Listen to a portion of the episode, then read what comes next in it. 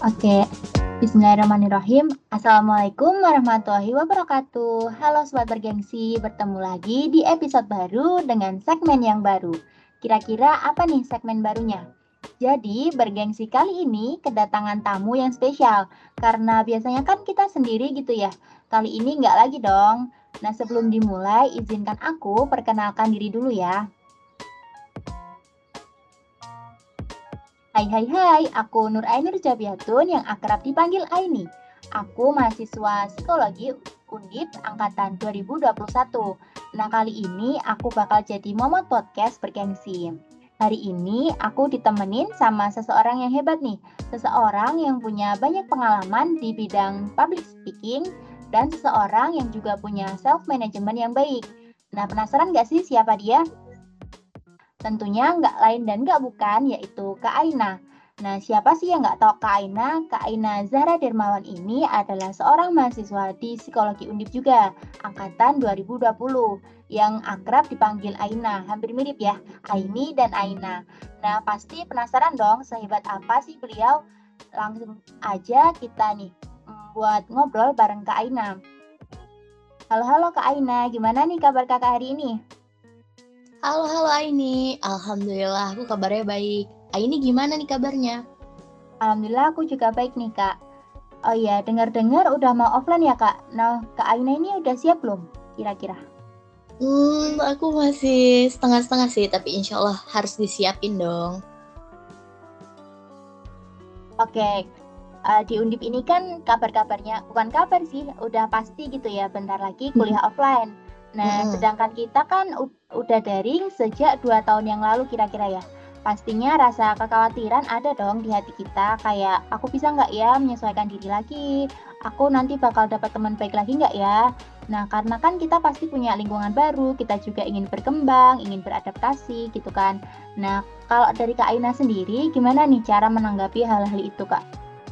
Hmm, Iya betul banget nih. Kita udah daring selama 2 tahun ya kurang lebih. Pastinya banyak banget perubahan-perubahan yang kita harus hadapi gitu ya.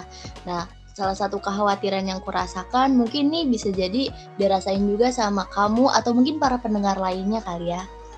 Nah, kalau kekhawatiran aku sih dari cara beradaptasi dengan lingkungan perkuliahan dan juga membangun relasi pertemanan secara langsung yang tatap muka gitu ya. Serta yang paling penting itu dengan cara memanajemen waktu yang ideal untuk segala kegiatan dan aktivitas yang akan dilakukan di kampus gitu. Kalau tadi ditanya mau berkembang, ya jujur mau banget dong. Maka dari itu pastinya ada kekhawatiran yang nantinya akan memunculkan suatu adaptasi baru gitu Aini. Bener banget sih, tapi aku kepo deh.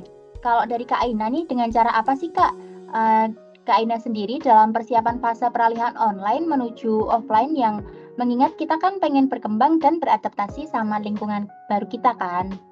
Hmm. Kalau cara persiapannya itu pastinya susah-susah gampang ya.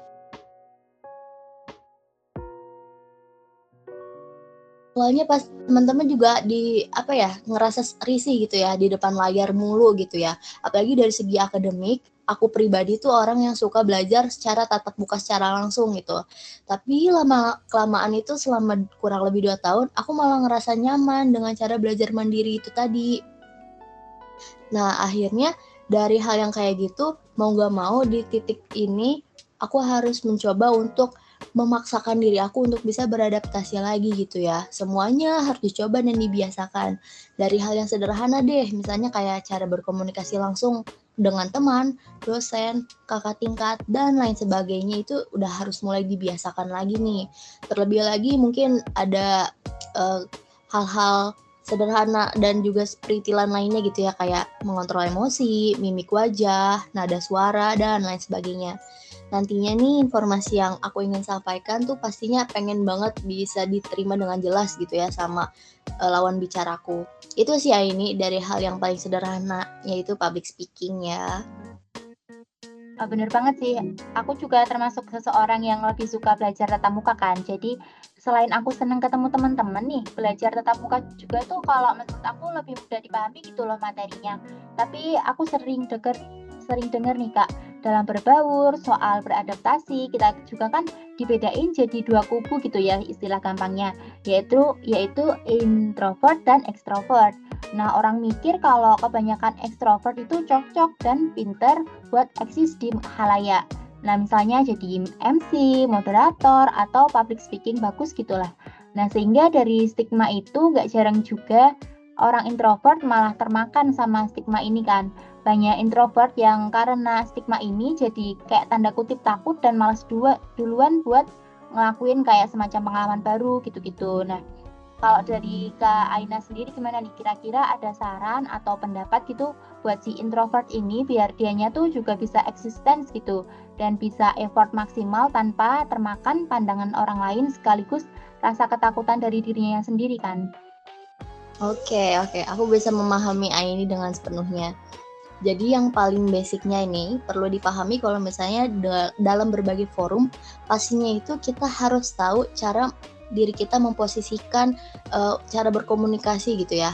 Gak mungkin kan aku cara komunikasinya sama gitu uh, kayak kamu ke orang tuaku itu pasti berbeda dong.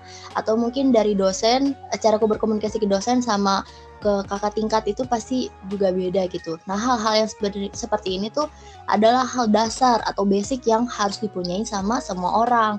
Termasuk juga kayak tadi tuh yang kubu-kubu Aini bilang tadi ya, ada introvert dan extrovert.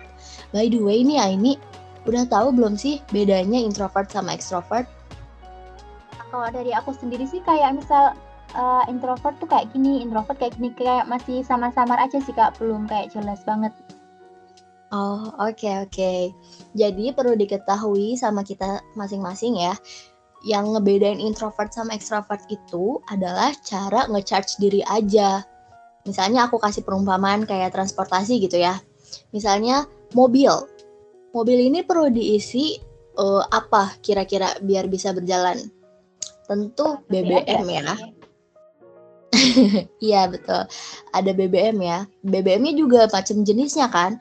Ada solar, ada Pertamax, ada bensin dan lain sebagainya. Nah, misalnya contoh lain nih, kereta api. Kereta api perlu diisi apa sih biar bisa berjalan? Uh, batu bara nggak sih kak?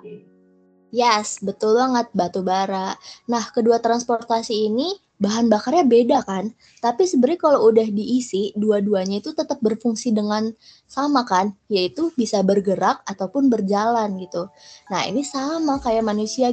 Charge dirinya adalah dengan menyendiri atau mungkin berada di ruangan yang tenang melakukan aktivitas yang tidak ramai dan lain sebagainya.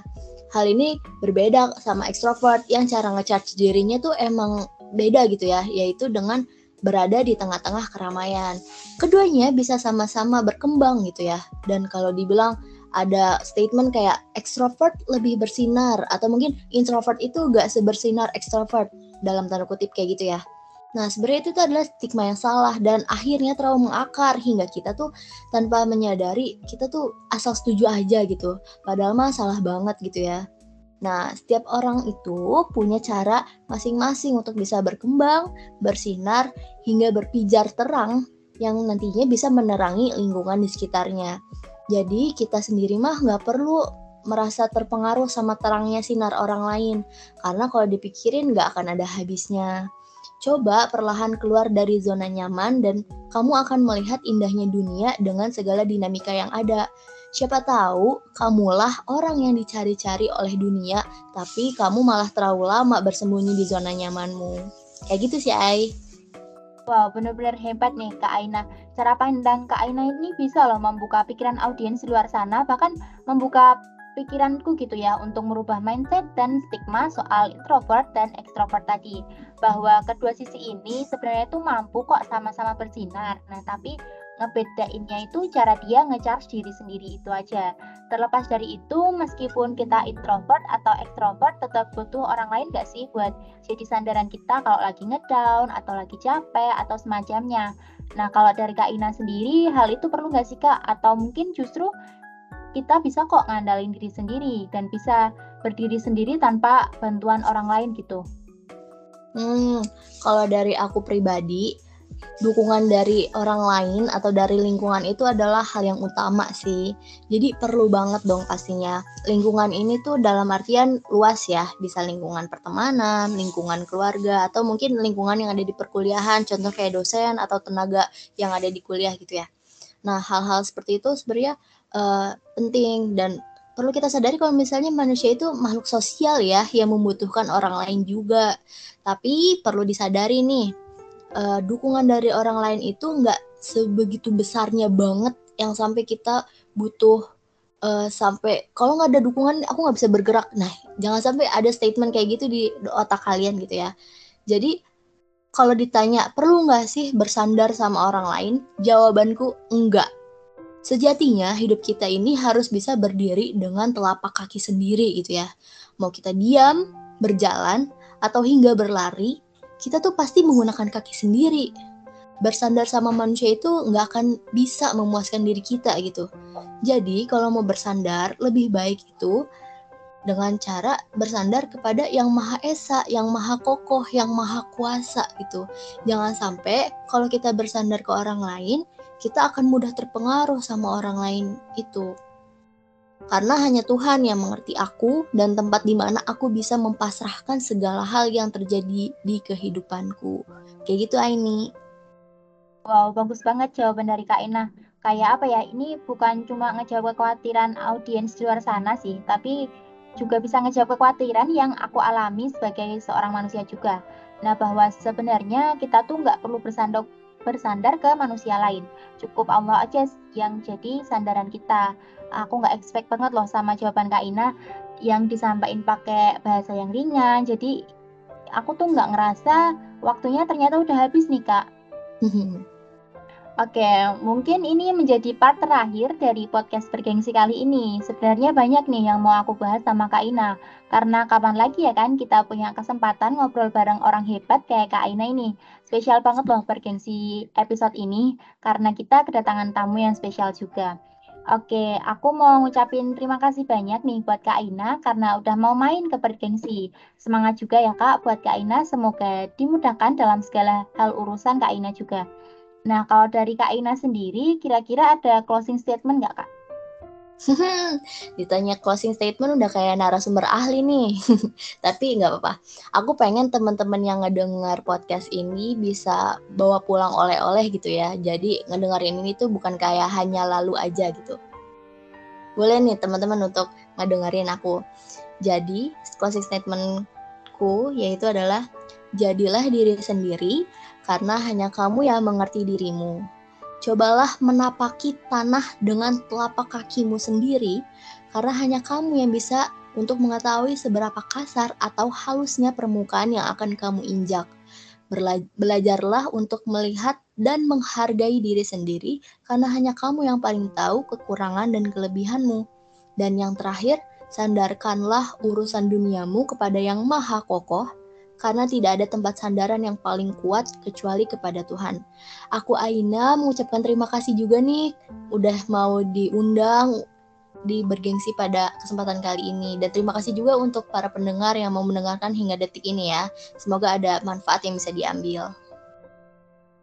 Oke, kalau udah closing statement nih, berarti kita tinggal penutup kan ya. Nah, jadi itulah bergengsi kali ini benar-benar bikin aku dapat wawasan baru, dapat motivasi baru juga nih. Oke, aku Aini dan Kak Aina pamit undur diri. Sampai jumpa di lain kesempatan. Terima kasih teman-teman yang udah dengerin sampai akhir. See you. Wassalamualaikum warahmatullahi wabarakatuh. Waalaikumsalam warahmatullahi wabarakatuh. Dadah.